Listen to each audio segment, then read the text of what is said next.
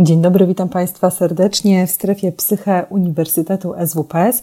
Dziś rozmawiać będziemy o spektrum autyzmu u dziewczynek i u kobiet, a moją gościnią będzie pani Renata Sikorska, doświadczona psycholożka i diagnostka całościowych zaburzeń rozwojowych, terapeutka poznawczo-behawioralna, certyfikowana terapeutka kognitywna, która związana jest zawodowo z siecią poradni zdrowia psychicznego Psychomedik, gdzie prowadzi diagnozę i terapię dzieci i młodzieży doświadczających wszelkiego rodzaju trudności psychicznych, w tym właśnie znajdujących się w spektrum autyzmu. Pani Renata udziela także wsparcia rodzicom doświadczającym trudności w wychowaniu i kryzysów rodzinnych, a jej szczególnie ważnym obszarem zainteresowań terapeutycznych i naukowych jest obraz kliniczny, terapia i trudności w diagnozie dziewcząt oraz kobiet w spektrum autyzmu. Szanowni Państwo, dziś będziemy rozmawiać trochę o tym, jakie są różnice pomiędzy spektrum autyzmu u dziewcząt i u kobiet, jak te różnice wychwycić, jak przebiega proces diagnostyczny i na co powinniśmy zwrócić uwagę wtedy, kiedy chcemy pomóc młodym dziewczętom, ale i kobietom doświadczającym spektrum autyzmu. Szanowni Państwo, ja nazywam się Joanna Flis, jestem psycholożką, psychoterapeutką i naukowczynią, autorką podcastu Madame Monday i serdecznie Państwa zapraszam na dzisiejsze spotkanie. Strefa Psyche Uniwersytetu SWPS. Psychologia bez cenzury. Więcej merytorycznej wiedzy psychologicznej znajdziesz na psycheswps.pl oraz w kanałach naszego projektu na YouTube i Spotify. Zapraszamy. Dzień dobry, witam serdecznie. Dzień dobry, witam Państwa bardzo serdecznie. Może zaczniemy od takiego pytania otwierającego. Jaka jest różnica między spektrum autyzmu u dziewcząt i u dorosłych kobiet? Czy w ogóle jakaś różnica istnieje? że ten temat tych różnic jest poruszany, myślę, tak dwutorowo. Znaczy, na pewno mówimy o takich pewnych czynnikach biologicznych i jest obszar badań, e, no myślę, że coraz szerzej zakrojonych, które skupiają się na czynnikach biologicznych, czyli na takiej identyfikacji, no, która byłaby dość ewidentna, prawda, czy te różnice fenotypowe są. Żadnych takich badań, które by wskazywały jednoznacznie na to, że te różnice są w poziomie, na poziomie biologicznym, nie ma. Choć e, no, jakby mówi się, że są pewne czynniki e, ochronne, że kobiety rzadziej zapadają na autyzm, trwają badania, jeżeli chodzi o e, kwestie genetyczne, chromosomalne, hormonów żeńskich. No ale tak jak powiedziałam, im więcej badań, tym e, tak naprawdę ta wiedza jest wciąż jeszcze taka nieugruntowana i, e, i myślę, że nie będę się na tym jakoś szczególnie teraz skupiać, dlatego że to, co jest bardzo istotne i tak e, klinicznie obserwowane coraz częściej i jakby ja najwięcej też mogę o tym powiedzieć, to e, taki m, przejawy E, behawioralne, czyli taka trochę odmienna ekspresja e, behawioralna e, tego, w jaki sposób dziewczęta i kobiety prezentują cechy autyzmu. Tak? Wydaje się to dość naturalne, że te różnice na poziomie E, fenotypowym muszą być, no bo przecież e, kobiety neurotypowe również e, różnią się swoim, swoim rozwojem, jakby całokształtem takiego odwczesnego dzieciństwa, prawda? Kobiety wcześniej zaczynają mówić, często są bardziej podatne, czy są mniej podatne na stres, są bardziej wielozadaniowe, czyli w neurotypowości te różnice są i wydaje się, że w neuroróżnorodności to jest zupełnie naturalne, że też muszą być. Dodatkowo jakby no, te cechy odmienne znaczy odmienności, no pewnych różnic fenotypowych, nie tylko dotyczą spektrum, czyli jakby pojawiają się również i w zaburzeniach aktywności i uwagi, i w jakby specyficznych trudnościach szkolnych, i w zaburzeniach mowy, i one właściwie w wielu e, obszarach są e, widoczne. Więc no, zasadnym jest y, sądzenie, że w całościowych zaburzeniach rozwojowych też tak jest. No poza tym y, kobiety jednak zupełnie inaczej postrzegają, może nie zupełnie, ale, ale pewnie są różnice, y, postrzegają świat niż mężczyźni i też jakby troszeczkę mhm. no, jest to charakterystyczne że e, ten obraz, kontekst społeczno-emocjonalny u kobiet funkcjonuje też troszeczkę inaczej. E, natomiast na pewno te to, to, to, o czym chcę powiedzieć, czyli te różnice, trzeba poprzedzić takim sformułowaniem, że na spektrum to jest kontinuum, tak? Czyli nie ma dwóch jednakowych osób w spektrum. Czy mówimy o chłopcach, czy mówimy o dziewczynkach, ten, y, to jest bardzo szeroki zakres i trudno jest wyodrębnić y, taką, y, no powiedzmy sobie, klasyfikację bardzo jednoznaczną, według której możemy poruszać i powiedzieć, że tak, te określone cechy zostały spełnione.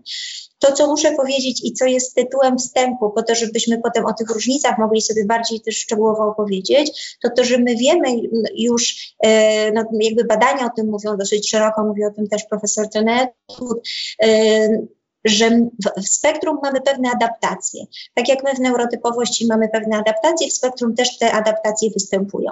I one są bardzo charakterystyczne, jeżeli chodzi w ogóle o diagnostykę i, e, i dlatego o nich teraz, teraz wspomnę. Mhm. Adaptacje to co to? Czym jest adaptacja? Tak trochę spróbuję e, złapać i mm, okiem lejka spojrzeć na to, czym jest w ogóle adaptacja. Adaptacja to jest taki sposób funkcjonowania w danym środowisku, dostosowania się i pokazania jakby swojego określonego no nie wiem, no, no, ekspresji danych y, umiejętności, mocnych stron, czy też słabszych stron, czyli jakby pokazywania siebie w określonym środowisku. I te adaptacje w spektrum są, no tak jak w neurotypowości, różne. Jest taka adaptacja mhm. introwertyczna, Czyli to jest taka najbardziej czytelna adaptacja, która e, no, jest jakby najłatwiejsza diagnostycznie, bo to są te wszystkie osoby, które trochę unikają kontaktów społecznych, które trochę mhm. E, trzymają się e, na uboczu, które mają taki trochę swój świat zainteresowań i dość szybko można jakoś je z tej grupy, szczególnie na przykład przedszkolnej i szkolnej, gdzieś zaobserwować, że być może rzeczywiście one gdzieś się próbują izolować, tak? Ale są też takie adaptacje, ekstrawertyczne. E, jedna z tych adaptacji jest taką e, adaptacją przekraczającą, czyli są to dzieci i bardzo często to dotyczy również dziewczynek, które dążą do relacji, które potrzebują relacji, które chcą w tych relacjach być, niemniej jednak nie dostrzegają tych takich subtelnych różnic, które na poziomie tych relacji się dzieją. Więc często są to takie dzieciaczki przekraczające, e, które mówią to, co myślą, które trochę zarządzają jakby partnerem interakcji. Czasem nadmiarowo wchodzą jakby w takie y, kontakty i nie wyczuwają tak, tego, że coś można w danej sytuacji, a czegoś nie można, coś wypada albo nie wypada. I w sumie, jeżeli mówimy o dziewczynkach, to one często dostają rolę takich, to znaczy tak na, na przykład nauczyciele je charakteryzują, jako takie dziewczynki liderki, takie dziewczynki, które e, potrafią zarządzić procesem, które są takie matki, dyrektorki, one przyjdą, rozstawią, powiedzą, co mają do powiedzenia. Ale jest też taka e, adaptacja, taka forma jakby funkcjonowania dziewczynek i ta jest najtrudniejsza i ta najbardziej jakby o, o tym kryterium e, diagnostycznym się wymyka. To są e, dziewczynki, które się kamuflują, czyli to jest taka ekstrawersja kamuflująca, czyli dążenie do relacji, potrzeba relacji, ale jednocześnie bardzo duży poziom przystosowania, e, naśladowania pewnych cech społecznych, najpierw obserwowania, a później jakby wchodzenie, jakby tak trochę zapożyczania cech społecznych po to, żeby się dostosować do tej grupy, tak, żeby nawiązać e, ten kontakt taki bardzo e, satysfakcjonujący. I ten rodzaj maskowania jest najmniej znaczy jest najtrudniejszy do wyłapania, bo te dziewczynki bardzo często, te kamuflujące się, mm, nie zdradzają e, trudności na etapie przedszkola i bardzo często do mniej więcej połowy szkoły podstawowej również nie zostają zauważone, choć odbywa się to dla nich bardzo, bardzo dużym kosztem. I teraz, bo to jakby mówiłam o tych adaptacjach, że one będą niesłychanie istotne przy różnicowaniu właśnie przy diagnozie, prawda? Bo często my diagności, ponieważ mamy wiedzę opartą na takim fenotypie typowo męskim, to diagności często no jakby trudno jest dostrzec, y, że jeżeli dziecko jest społeczne, ma koleżanki, wchodzi w grupę społeczną, potrafi się w tej grupie odnaleźć, to, że ono może mieć spektrum. To jest taki jeden z stereotypowych, e, powtarzających się kwestii, że no jest społeczna, ma koleżanki, ma przyjaciółki, to jakby to mm, niekoniecznie musi wskazywać na, na spektrum. No niemniej jednak tak rzeczywiście jest. I teraz już jakby przechodząc bezpośrednio do tych różnic, dziewczynki mają zdecydowanie większą właśnie motywację społeczną. No i to wynika jakby ewolucyjnie, tak? Czyli to już nawet nie jest kwestia neuroróżnorodności, tylko po prostu w ogóle kobiet.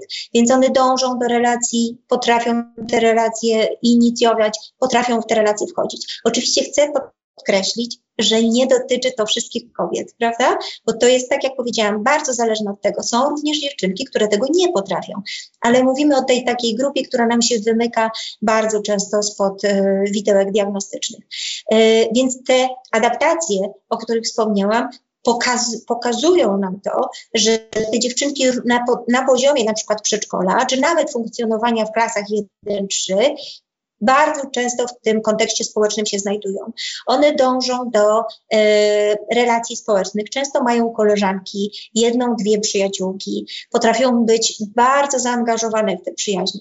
I w tych przyjaźniach czasem są zarządzające, ale czasem też dążą do takich y, dziewczynek, które zarządzają procesem, a one się dostosowują, tak? Czyli jakby przejmują pewne mhm. cechy, wchodzą w te relacje, do, no jakby kopiują niemalże całe e, sekwencje po to, żeby w tej grupie zaistnieć, być zaakceptowaną i utrzymaną. Przyjaźni często bywają synchroniczne, znaczy dążą do takich relacji bardzo e, ścisłych, potrafią oddać całe siebie, jakby w tą, tą przyjaźń włożyć, w taki bardzo ja to zawsze określam w taki moralny sposób, czyli jeżeli ja uważam, że jesteś moją przyjaciółką, to zrobię dla ciebie wszystko, ale tego samego oczekuję od ciebie.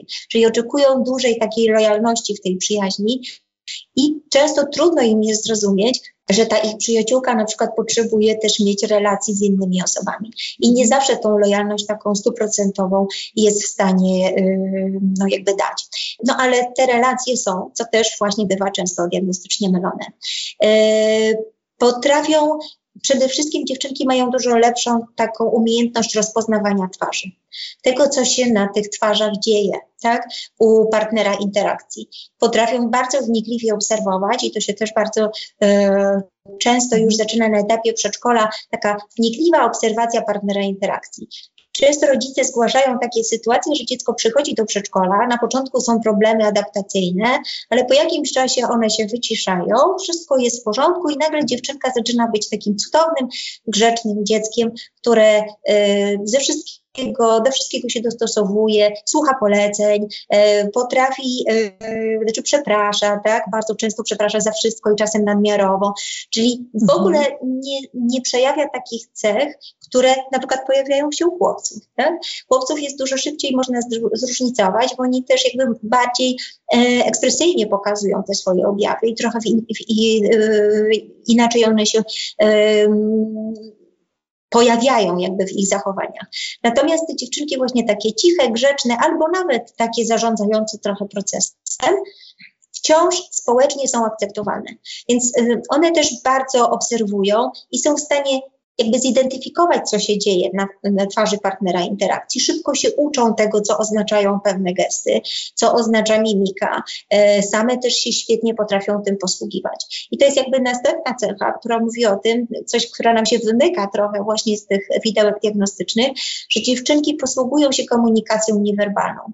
Potrafią się jej uczyć i niejednokrotnie, niejednokrotnie kopiują bardzo często, jakby uczą się całych sekwencji jest mhm. taki nowy y, kwestionariusz, którego jeszcze nie ma, ale on jakby jest, y, znaczy nie ma go w polskiej adaptacji, ale generalnie mówi on o cechach kamuflażu kobiet i tam zdecydowanie jest jakby pokazane i to się często sprawdza, jak pytamy o to kobiety w e, procesie diagnostycznym, że one w sposób bardzo systemowy uczą się tego, w jaki sposób należy się zachowywać, w jaki sposób należy używać gestykulacji, co wypada, a co nie wypada zrobić, że wypada utrzymywać kontakt wzrokowy. To jest bardzo ciekawe, jak ja na przykład mam w gabinecie dziewczynki, które utrzymują kontakt wzrokowy i robią to prawie w idealny sposób, a jednocześnie, e, kiedy je pytam, czy jest to dla nich trudne, żeby ten kontakt utrzymywać, czy możemy jakby pozostać w takiej konwencji, że nie będziemy się sobie przyglądać, mhm. to z ulgą jakby informują, że tak,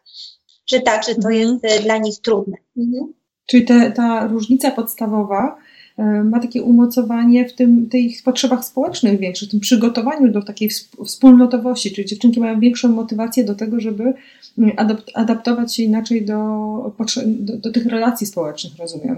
Bo to wszystko jakby wynika z tego, że one wkładają więcej wysiłku świadomego bądź nieświadomego ku temu, aby być w tej grupie społecznej, żeby nie być wykluczoną Zdecydowanie tak. No i to jest jakby taki, y, tak dość oczywiste właśnie i ewolucyjnie i charakterystyczne również mm. dla neurotypowości.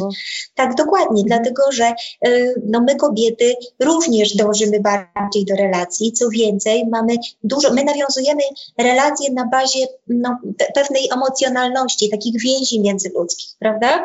No, I my jak się spotykamy, kobiety jak się spotykają, to rozmawiają o swoich emocjach, o swoich odczuciach, co je wkurzyło, co było dla nich dobre, co dużo poruszają tematów emocjonalnych. Mężczyźni e, no, rozmawiają o sporcie, o pracy, zdecydowanie mniej jakby wplatają tej mhm. konwencji. Zresztą no, udowodniono już, że jeżeli chodzi o teorię umysłu, to najlepsze są w tym neurotypowe kobiety, potem mamy pewną przestrzeń, potem są neurotypowi mężczyźni, a potem bardzo, bardzo właściwie można powiedzieć blisko są neuroróżnorodne kobiety.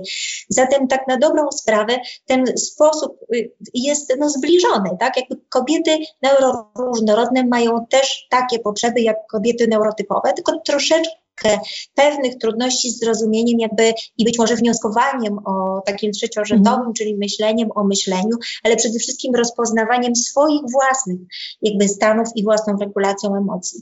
Teraz co jest jakby różnicą podstawową i takim wielkim obciążeniem dla, e, dla kobiet, to to, że jakby kamuflując te cechy i dążąc tak intensywnie do tych relacji i przede wszystkim na jakimś poziomie nieświadomym, nie akceptując tego, jakim one są, prawda? Bo to jest tak, że ma mała dziewczynka jeszcze nie dostrzega tych różnic, ale wraz z upływem czasu, im więcej mm, pojawia się y, takich skomplikowanych strategii społecznych, no bo umówmy się, że w przedszkolu te strategie nie są zbyt skomplikowane. No, bawisz się ze mną albo nie bawisz, dasz zabawkę albo nie dasz, tam za dużo się nie dzieje na poziomie takiego subtelnego yy, myślenia o strategiach. Natomiast wraz z upływem czasu, powyżej jak się zaczyna czwarta klasa, zaczynają się zmiany, zaczynają się też jakby hormonalne różnego rodzaju kwestie, które podnoszą często i wtedy jakby pokazują jakby w takiej pełnej krasie to, co się dzieje na poziomie emocjonalnym też z tymi dziewczynkami, ale przede wszystkim te analizatory, czyli to w jaki sposób ja mam interpretować te sytuacje społeczne, tu się zaczynają schody, bo te relacje zaczynają być coraz bardziej trudne. Czyli w sumie jak to ocenić? Czy jak ktoś na mnie patrzy, to patrzy na mnie z uznaniem, czy bez uznania? Czy jak mruga do mnie, to mruga do mnie, czy do kogoś, kto jest za moimi plecami? Jest bardzo dużo różnych subtelności. Często dziewczynki są w tym naprawdę doskonałe i potrafią to świetnie robić, ale wiąże się to z olbrzymim kosztem. I teraz yy, ponieważ to jest wszystko na poziomie intelektualnym, czyli jakby mniej intuicyjnie, a jednocześnie cały czas olbrzymia praca analizatorów, to, y, to jest bardzo duży koszt, y, taki obciążający, męczący.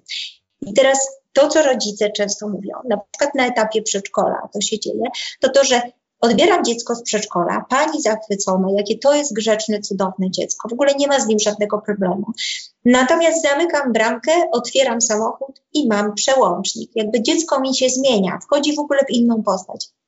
I bardzo to jest częste u dziewczynek, że dochodzi do pewnej dekompensacji. Czyli no niestety mózg dąży do konsens, prawda? Dokładnie. I jakby bardzo y, jest to oczywiste, że jeżeli jesteśmy na stand-by'u, jeżeli się staramy cały czas dopasować do jakiejś sytuacji, jeżeli próbujemy pokazać, jak bardzo pasujemy w tym miejscu, to musimy się gdzieś zdekompensować. No i często te dziewczynki właśnie w domu mają tendencję do takiego ustawiania rodziców, czyli daj mi rękę, nie dawaj, tutaj mnie nie dotykaj, y, uderzyłeś mnie, chociaż rodzic tylko musnął przechodząc, prawda?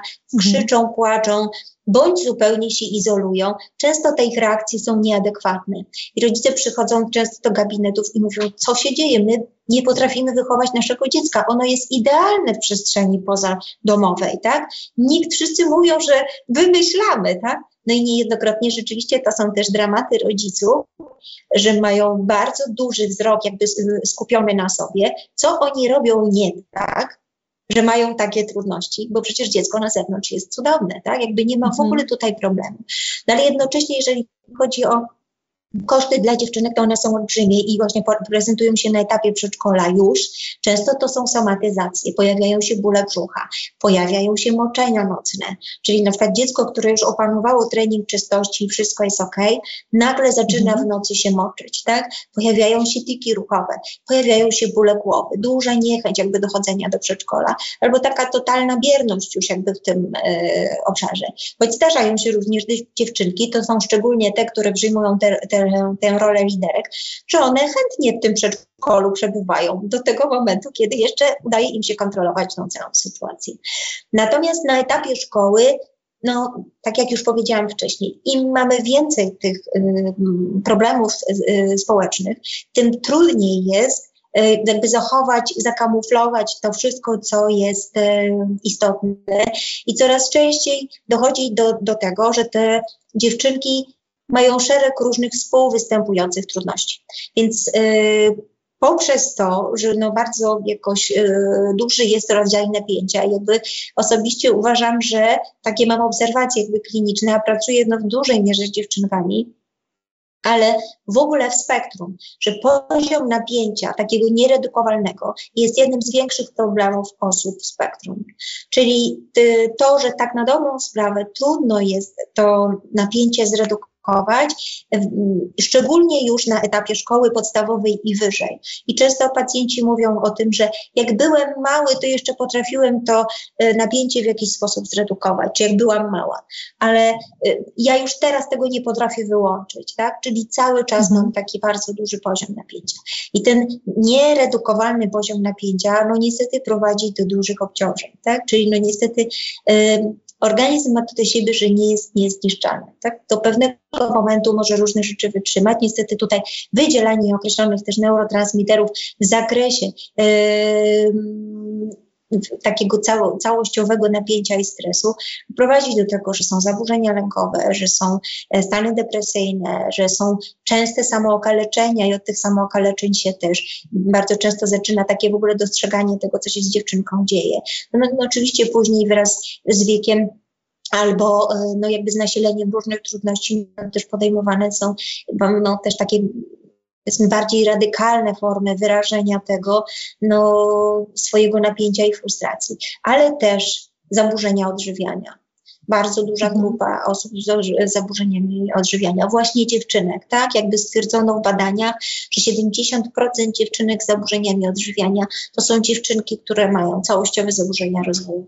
Tak? Czyli jest ich bardzo dużo. Są dziewczynki z HADem, występującym obsesyjno-kompulsywne um, zaburzenia. Więc ten rozstrzał jest bardzo duży. No i im starsze jest dziecko, im starsze ta, e, im, im później ta diagnoza przychodzi, tym te obciążenia są no, większe. Wspierają swoje, swoje żniwa. Też tutaj internauci piszą, pytają, zadają takie pytania, w jaki sposób rozróżnić depresję od spektrum dorosłej osoby, dorosłej kobiety, albo czy, czy to się łączy z wysoką wrażliwością. Myślę, że te pytania gdzieś trochę intuicyjnie też pokazują, że e, ze spektrum łączy się bardzo dużo konsekwencji, szczególnie wtedy, kiedy to spektrum nie jest rozpoznane i kiedy ktoś nie korzysta z terapii, nie potrafi zarządzać tymi swoimi adaptacjami, strategiami i napięciem, o którym Pani mówi.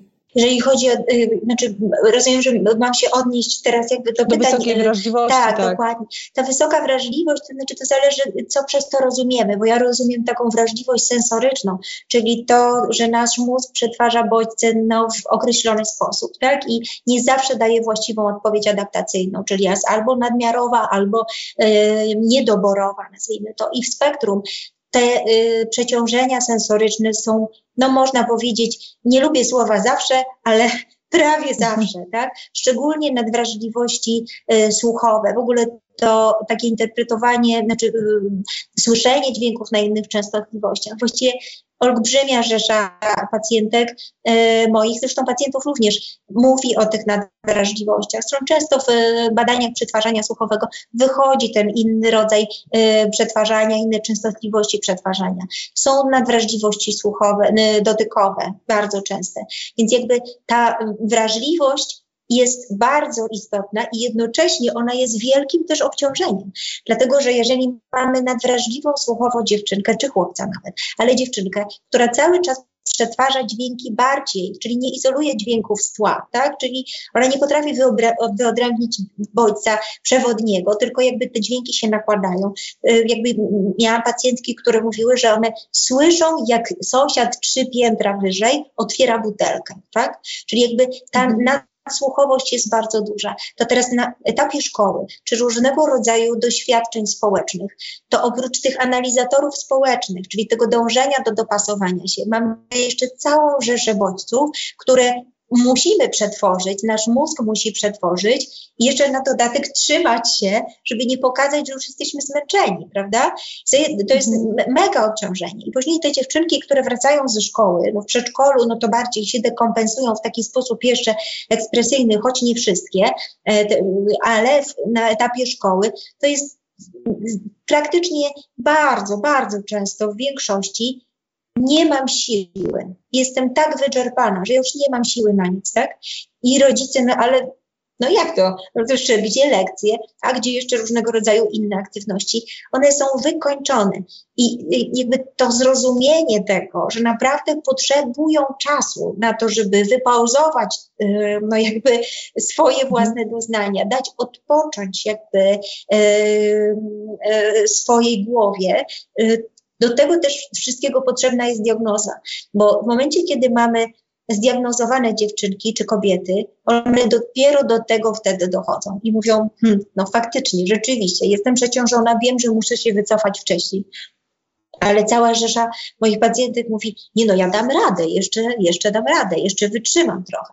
A potem okazuje się, że już nie wytrzymam i jest y, zawieszenie. Często na przykład występują takie sytuacje, kiedy się dziewczynka zawiesza albo zaczyna, no tak by te znane, mówimy o meltdownach, tak, czyli jakby y, te, te przeciążenia sensoryczne. Więc y, temat sensoryki jest obecny w spektrum, jest jakby współwystępujący i, i można powiedzieć, no, absolutnie się z tym łączy, tak? Czy wybiórczości pokarmowe, czy nadwrażliwość na zapachy. U każdej osoby jest inaczej. I to też proszę pamiętać, że sensoryczność się zmienia. Czyli to nie jest tak, że jak mamy nadwrażliwość słuchową czy dotykową, to już zawsze ona będzie, bo układ nerwowy się zmienia i te y, zaburzenia sensoryczne też nam się zmieniają. To znaczy w sensie, że diagnoza integracji sensorycznej jest ważna rok, y, z tego co pamiętam. Czyli niewiele y, później jakby te zmiany mogą nastąpić ale rzeczywiście nieprawidłowości na poziomie rozróżniania i prawidłowej odpowiedzi adaptacyjnej mózgu na określone bodźce no, są bardzo istotne i występują w spektrum, to z całą pewnością. Nie pamiętam kolejnego pytania, Pani Joanny, no przepraszam, jeśli Pani mogła przypomnieć. Dobrze. Ja zadam pytanie Pani Marleny i myślę, że to jest bardzo ważne, bo pewnie wielu słuchaczy ma podobne, podobne wrażenie, że skoro spektrum może objawiać się tak różnorodnie, czyli tych objawów jest tak dużo, to po czym można poznać, że to spektrum, a nie inny typ charakteru albo potrzeb w takim razie? Co jest takie kluczowe u dziewcząt, kobiet?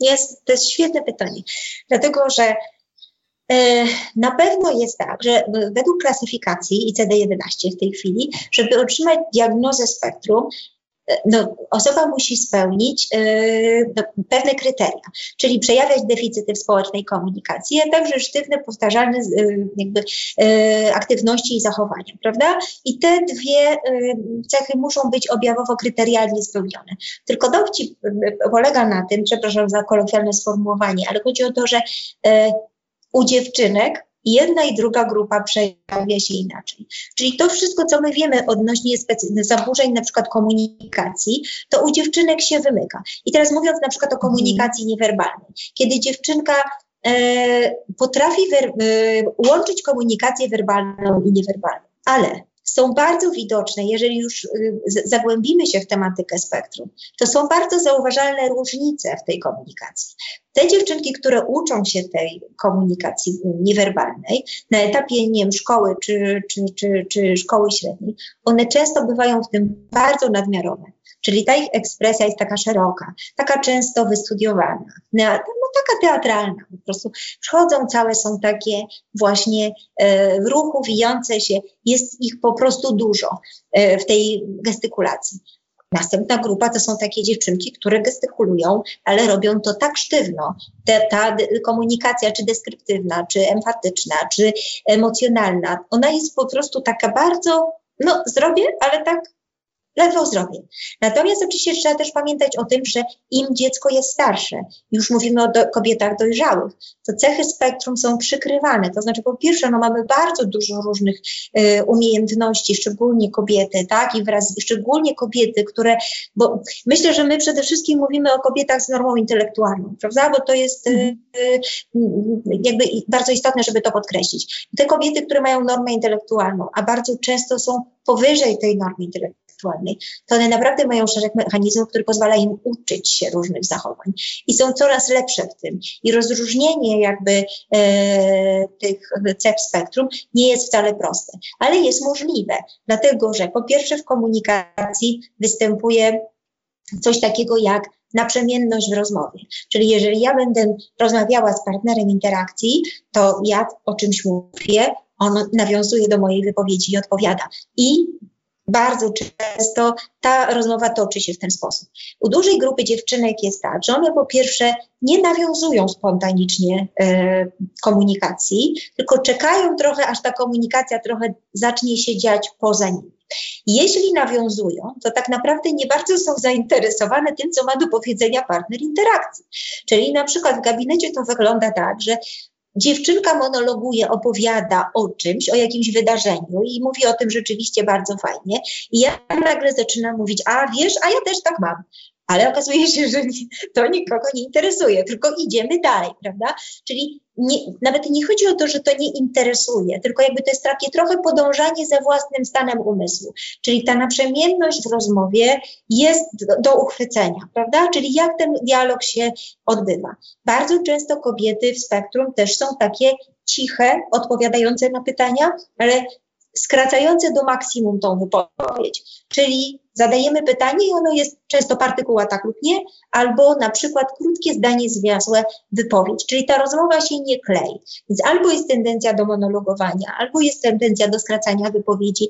Specyficzna prozodia u dziewczynek rzadko występuje, ale już częściej można powiedzieć o pewnej specyficznej intonacji. Często dziewczynki mówią cicho, w taki sposób ledwo słyszalny. No niektóre znowu mm, mają taką tendencję do takiego zaśpiewu trochę, ale tutaj z tą prozodią też jest rzeczywiście mniej tego, znaczy mniej tego wysycenia niż u chłopców. E, tych cech diagnostycznych, które się pojawiają, jest całkiem sporo, dlatego że e, po pierwsze usztywnienia. My rozumiemy usztywnienia w taki sposób, czyli te specyficzne wzorce zachowań i e, zainteresowań, że dziecko musi przejawiać takie cechy, jak my to roz, my, jak my rozumiemy, że ono układa wrzątki, że ono szereguje, segreguje, że się interesuje, nie wiem, dinozaurami, klockami, czy jakieś szczególne zainteresowania przejawia. Dziewczynki przejawiają szczególne zainteresowania, ale bardzo subtelnie. One się interesują chomikami, one się interesują konikami pony. One robią uprzęże, ubranka dla koników. One jakby y, rysują całe mnóstwo pacjentek utalentowanych artystycznie, to już już na poziomie różnic y, jakby w, w samym y, systemie umiejętności też i poznawczych i, i w ogóle takich zdolności różnego rodzaju, to mnóstwo kobiet z spektrum jest uzdolnionych e, artystycznie, no, no, naprawdę bardzo duża grupa. No i one rysują, lubią pisać, lubią siebie wyrażać pisząc, czyli piszą jakieś nowelki, opowiadania. Dużo tam się dzieje i robią to nadmiarowo. Tak? Więc jakby to, to, w jaki sposób, czym one się interesują, to jest jakby jedna rzecz, która różni trochę od chłopców, czyli te ich upodobania są bardzo zbliżone do upodobań dziewczynek neurotypowych. Nie ma tutaj wielkiej różnicy. Oczywiście zdarzają się też takie dziewczynki, które mają upodobania no, bardzo charakterystyczne, prawda? Czyli nie interesują się kosmosem czy fizyką kwantową, a mają 6 lat, prawda? No, oczywiście, że tak, ale jakby przyjmując te dziewczynki, które się wymykają spoza kryteriów diagnostycznych, to są to dziewczynki, które mają bardzo podobne e, zainteresowania, ale jednak przejawiają je w nadmiarze. Czyli jak czytam, to cały dzień czytam. Jak rysuję, to cały dzień rysuję albo większość tego dnia. Mam i jestem skupiona na tym, ale jest też taka rzesza dziewczynek, które na przykład interesują się czymś przez trzy tygodnie, bardzo dogłębnie zbierają temat, po czym przerzucają się na inny zakres i znowu się tym dogłębnie interesują i znowu się przerzucają. Czyli wcale nie mają takiej utrwalonej y, potrzeby zgłębiania jednego tematu, co też jest jakby charakterystyczne dla, dla chłopców, ale też chciałam podkreślić, że wiemy już, że chłopcy też potrafią się maskować i chłopcy też y, podobne cechy, y, niektórzy chłopcy, szczególnie tam przy określonych kryteriach, jeżeli są spełnione, mogą przejawiać takie cechy. Więc na poziomie y, chociażby kontaktu wzrokowego, dziewczynki utrzymują kontakt wzrokowy, ale często on jest nadmiarowy. Czyli możemy zobaczyć, że taka dziewczynka, która siedzi u nas w gabinecie, po prostu się intensywnie w nas patruje, ale ten wzrok często jej koncentruje się wcale, on nie jest zauważalny jako taki naturalny często. Choć no, jest mnóstwo dorosłych kobiet, które potrafią bardzo elastycznie ten kontakt wzrokowy utrzymywać, ale mówią, że jest to dla nich trudne. Tylko teraz należałoby pewnie różnicować samą diagnozę, bo jeżeli do gabinetu zgłasza się mało, rodzic z małym dzieckiem przedszkolnym, to jakby obserwujemy określone cechy.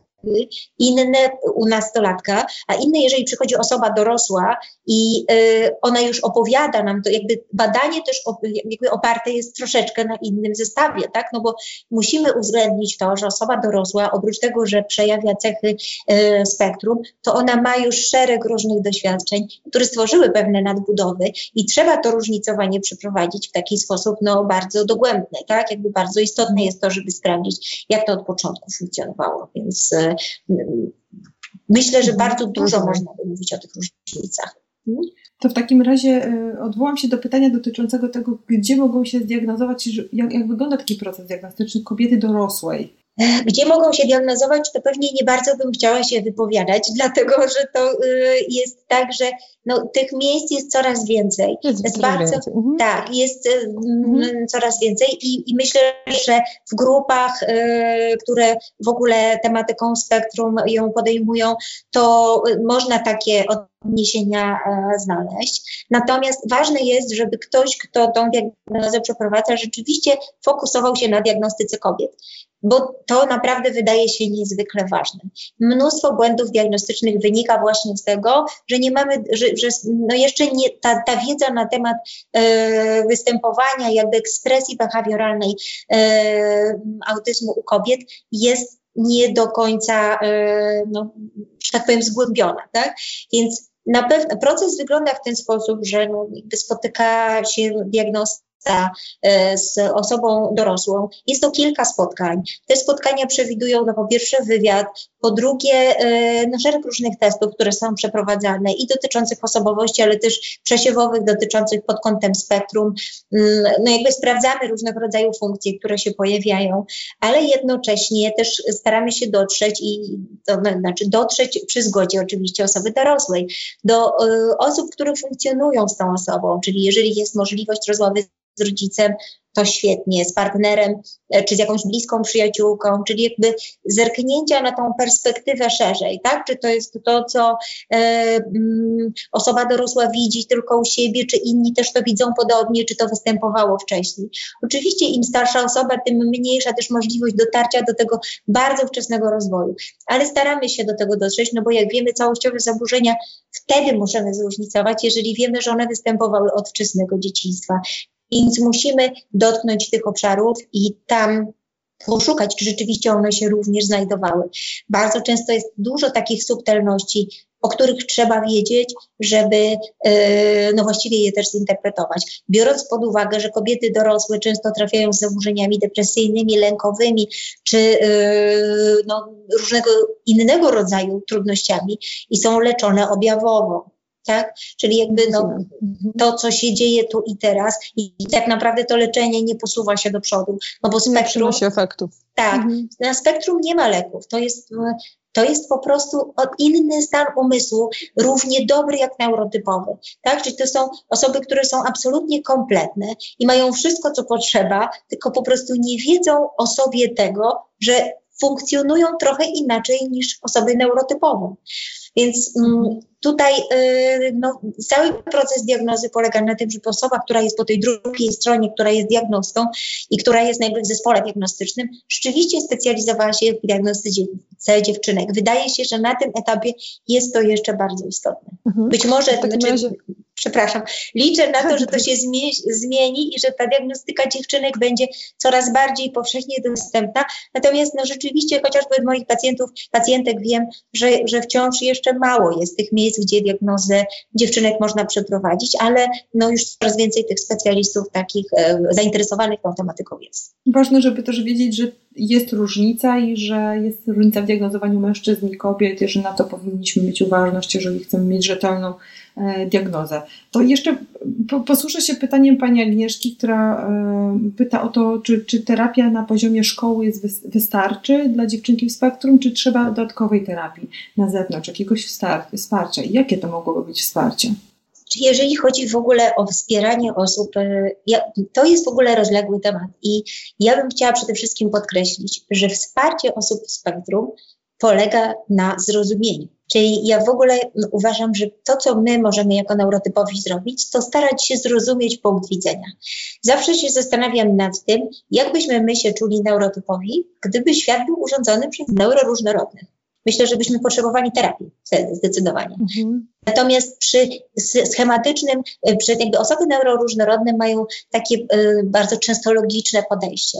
I to wśród dziewczynek też tak jest. One muszą wiedzieć, co z czego wynika, muszą zrozumieć konstrukt. Tam na poziomie emocjonalności, podejmowania decyzji takich ad hoc, bo się zdenerwowałam, jakiegoś przenoszenia różnych takich stanów emocjonalnych jest mniej. Jest bardzo duży problem z regulacją emocji, bo najczęściej wszystko idzie do wewnątrz, tak? Neurotypowi mają dużą łatwość jakby z wyrzucaniem różnych emocji na zewnątrz. U neuroróżnorodnych, u chłopców jest to prostsze, u dziewczynek bardzo trudne. Natomiast wspieranie na pewno polega się na, po, moim, w moim odczuciu, musi polegać na zrozumieniu tego, czym w ogóle spektrum jest, że to nie jest stan do zmiany.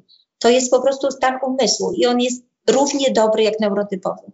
Ale no niewiedza na ten temat jeszcze jest duża. Terapia na poziomie szkoły podstawowej czy średniej, owszem, tylko to zależy wszystko od tego, w jakim stanie dziewczynka jest. Jeżeli mamy dziecko, które ma spektrum i przejawia różne trudności, ale na przykład zmienia się kontekst w domu, tak? Jest diagnoza, rodzice zapoznają się z tym, jak dziecko funkcjonuje, zaczynają trochę lepiej rozumieć dziecko. Trzeba też pamiętać o tym, że no, mm, osoby w spektrum, przez to, że są takie bardzo logiczne, one źle reagują na imperatyw, tak? A imperatyw, czyli takie imperatywne polecenia, są w ogóle charakterystyczne w takim systemie y, funkcjonowania no, nas, jakby starszych osób kontra dzieci, prawda? Więc y, jeżeli rodzice rozumieją, jak to zaczyna wyglądać, to wtedy też jakby zmienia się, starają się trochę zmienić swoją komunikację z dzieckiem, wejść w taką większą, y, no, rodzaj pewnego zrozumienia tego, co się dzieje w tej interakcji. To często załatwia bardzo dużo, kiedy dziecko zauważa, że rodzic jest po jego stronie. Tak? Natomiast no, często te, też tak bywa, że rodzic sam nie potrafi sobie z tym poradzić. Więc e, no, zdarza się też, że rodzic również przejawia takie cechy i to no, bardzo często się zdarza, no, bo spektrum jest też w, e, w dużej mierze e, warunkowane genetycznie. Więc te, terapia wydaje się być bardzo sensownym pomysłem i myślę, że e, coraz więcej terapeutów też ma wiedzę na temat tego, jak wspierać dzieci w spektrum. Ja mm, jestem zwolenniczką y, terapii poznawczo-behawioralnej, tylko w takim kontekście bardzo znaturalizowanym, to znaczy, bo bardzo często słyszę takie sformułowanie, że terapia behawioralna to jest jakaś zmiana, jakieś w ogóle straszne rzeczy, które się dzieją na poziomie tego, co się ludziom robi i właśnie jak się je próbuje zmieniać. No niekoniecznie tak to wygląda. Bardziej my terapię behawioralną rozumiemy jako pokazywanie właśnie ciągu logiczno-przyczynowo-skutkowego. Czyli tam, gdzie poziom myślenia abstrakcyjne, jakby to mm, wyobrażanie sobie pewnych takich złożonych konstruktów, które na przykład ma miejsce, nie wiem, y, tak, tak sądzę, jakby w terapii psychodynamicznej na przykład, tak? Jest złożone. Duża gra moich e, pacjentów mówi, że w terapii właśnie psychodynamicznej bardzo nie potrafili się odnaleźć, ponieważ no nie wiedzieli, jak mają sobie wyobrażać różne rzeczy, tak? Natomiast terapia behawioralna jest o tyle prosta, że może się odnieść do pewnych ciągów przyczynowo-skutkowych, czyli to, że ty tak czujesz, to znaczy, że z jakiegoś powodu to się dzieje, czyli że masz takie myśli, że było tutaj wzmocnienie, prawda, jakby pokazanie pewnego diagramu. To często na poziomie przyczyna skutek przynosi naprawdę fajne rezultaty. Dlatego ja jestem zwolenniczką tej teorii, ona, czy tej modalności, pracuję tak też z moimi pacjentami. Wydaje się, że no, często to jest y, skuteczne. Natomiast y, dla mnie wspieranie to jest przede wszystkim y, no jakby jak największa doza tego, żeby w ogóle zrozumieć, jak spektrum działa. Zresztą w psychoterapii również. Bo trzeba pamiętać, że część konstruktów, których my się uczymy na studiach, dla osób neuroróżnorodnych jest bez sensu, na przykład klaryfikacja. Tak? Czyli skoro mhm. już to powiedziałam, to po co to jeszcze raz powtarzam? Nie potrzeby powtarzania. To w takim razie, czy można coś zrobić z tym, tym napięciem? Pani Karolina tutaj pyta, czy jest możliwe zredukowanie tego napięcia? Czy ono właśnie wynika z tego, że ja zaczynam rozumieć jako osoba neuroróżnorodna, co mi służy, a co niekoniecznie, zaczynam jakoś sobą zarządzać, czy coś szczególnie, czy coś innego szczególnego musi się pojawić, jakaś nowa umiejętność, żeby to napięcie wyredukować? Czy w ogóle muszę żyć z tym napięciem? No i to jest temat e, bardzo trudny, dlatego że wydaje się, to jest temat rzeka. Wydaje się, że y, trochę to napięcie jest efektem odśrodkowym, czyli niekoniecznie tylko i wyłącznie przetwarzania i takich psychologicznych kontekstów, które tutaj mają miejsce, ale że być może, znaczy, wiecie Państwo, ja być może, proszę mi wybaczyć, ale no nie jestem lekarzem e, i być może jakieś błędy popełniam tutaj w, w nazewnictwie. Natomiast chodzi o to, że obserwuję bardzo dużo moich pacjentów i bardziej w oparciu na to, o tą obserwację, jakby pozwalam sobie pewne wnioski wyciągać, że wydaje się, że e, to musi w, pewnym e, zakresie wynikać z pewnej konstrukcji biologicznej osób, że mają taką zwiększoną tendencję do napięciowości. Są różne badania, które mówią o tym, że na przykład u grupy osób występują, nie wiem, zwiększone wyrzuty serotoniny chociażby, tak? No więc biorąc pod uwagę, nie wiem, różnego rodzaju też terapie, które są wprowadzane, farmakologiczne, e, chociażby u osób spektrum, można przypuszczać, że ten poziom napięcia, no, to wszystko jest jakoś ze sobą wspólne. Oprócz tego, no oczywiście to, co się dzieje na poziomie psychologicznym, powoduje to napięcie. Natomiast redukcja napięcia na pewno, znowu na poziomie biologicznym, to jest wysiłek tak? Czyli jeżeli mamy jakąś intensywną aktywność ruchową, no nie mówimy o sportach kontaktowych, bo tego osoby w spektrum raczej nie lubią, ale taki wysiłek, który pozwala nam trochę na zresetowanie jakby mózgu, czyli nie wiem, bieganie, wspinaczka, jakieś, e, to każdy dla siebie znajdzie na pewno coś, to jednak na poziomie samym biologicznym i wyrzutu pewnych substancji, które podczas aktywności fizycznej mają e, miejsce, wydaje się redukować to napięcie w znacznym stopniu. Zrozumienie tego w ogóle, jak ja mam, że tak mam, dlaczego w ogóle ja to czuję, tak? czyli co powoduje, że ja to czuję, dlatego, dlaczego ja myślę w pętli, bo przecież też e, asy mają taką tendencję do do ruminacji. U kobiet też to jest, prawda? Że jak się jakoś zaczynają wracać do różnych treści, które były, zapętlają się w tym myśleniu, więc jeżeli poznają ten mechanizm też e, psychologiczny, to wydaje się, że trochę łatwiej jest to napięcie redukować, tak? No bo jeżeli poznamy przyczynę, to nawet jeśli to się zupełnie nie zmieni, to na jakimś poziomie troszeczkę yy, zrobi się łagodniejsze. Natomiast jeżeli chodzi o, o, o redukcję yy, w taki sposób, yy, no ja jestem bardzo daleka od farmakologii, tak? I chyba nie ma takiej sensownej farmakologii, znaczy znowu przepraszam, jeżeli się dopuszczam do jakichś tutaj takich e, radykalnych ocen, ale e, nie znamy, nie wiemy jaka jest e, organizacja, architektura neuronalna osób neuroróżnorodnych. Naprawdę wciąż jeszcze nie wiemy, jak to wszystko funkcjonuje u nich, czy jak, na, jak duże są te różnice. I e, no, obserwuje się, że bardzo duża część, oczywiście samego spektrum farmakologią nie ogarniamy, bo to nie jest proces do yy, jakby przyjmowania farmakologii, ale to wszystko, co wiąże się z współwystępującymi objawami, czyli właśnie depresjami, zaburzeniami lękowymi, no to tutaj dobór tej farmakologii wydaje się być w ogóle niezwykle istotny, bo mhm. widzimy, przepraszam, nie dosłyszałam Pani Anna. Kluczowe, Tak, tak, kluczowe, dlatego że jest całe mnóstwo, czy wydaje się, że my trochę jeszcze nie wiemy, jak to w ogóle wygląda. Jest cała rzesza leków, które no, są dedykowane, ale one nie sprawdzają się w taki sposób u wszystkich osób, e, którym są podawane. Czyli okazuje się, że na poziomie e, różnic e, między danymi osobami niektóre leki się sprawdzają, niektóre nie sprawdzają.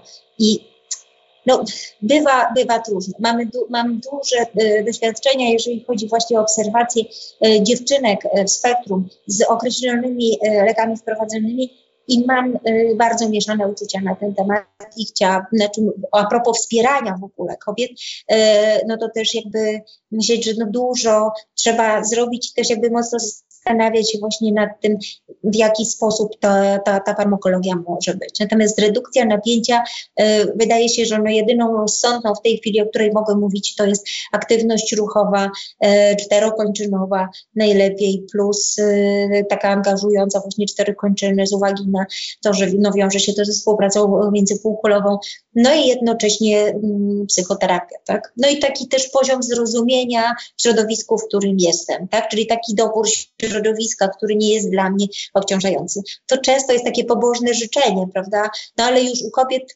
dorosłych no istnieje takie prawdopodobieństwo, że one mogą trochę y, dobrać taki sposób funkcjonowania, który dla nich będzie najlepszy, tak? Znaczy, no taki mhm. najbardziej komfortowy. Najczęściej przy końcu webinaru pytamy gościnia albo gościa o literaturę, literaturę, ale wielu internautów dzisiaj pyta o to, jakie testy można wykonać i czy są jakieś testy, które można wykonać na własną rękę, e, tak pewnie przesiewowe, ale czy jest jakieś takie narzędzie, którego można użyć?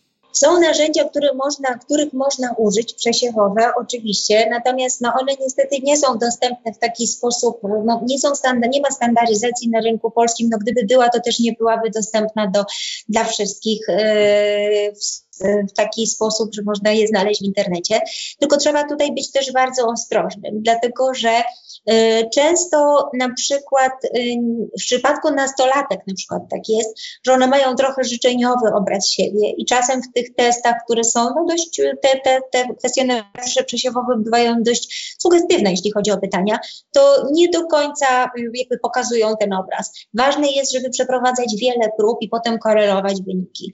Natomiast jeżeli chodzi o kwestionariusze, na przykład jeżeli chodzi o kwestionariusz kamuflowania, no to pojawił się, jest dostępny na stronie profesora Etwooda, jest e, kwestionariusz KATKU, który jest kwestionariuszem kamuflażu. Można go sobie zrobić, można go jakby sobie przeliczyć również e, i e, w przypadku kobiet z, z niego skorzystać. Wszystkie kwestionariusze dotyczące empatii oczywiście mm, jakby dedykowane są również, żeby spra sprawdzić na ile ten poziom empatii rzeczywiście u nas jest rozwinięty w taki sposób. Też pokazują się wyniki E, które jakby nam mówią, czy jest jakieś zagrożenie, czy nie. Ale jakby bardzo byłabym ostrożna w takim samodiagnozowaniu, e, Chociaż ja wiem, że mnóstwo dorosłych kobiet było zmuszonych, żeby to zrobić, tak? I jakby też dużo y, staram się jak najwięcej czytać i też słuchać, i wiem, że dużo dorosłych kobiet było zmuszonych same, same dochodziły do tego, że one mają takie cechy, bo po prostu nikt nie potrafił ich zdiagnozować, tak?